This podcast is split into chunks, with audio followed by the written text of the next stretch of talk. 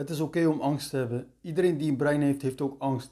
Maar wat niet oké is als je sterk en moedig wilt leven, is om je te laten stoppen door de angst voor iets wat belangrijk voor je is. Het is hetzelfde als dat je familielid wordt aangevallen en als je gaat helpen riskeer je je leven. Maar wat ga je doen als je moedig en sterk bent?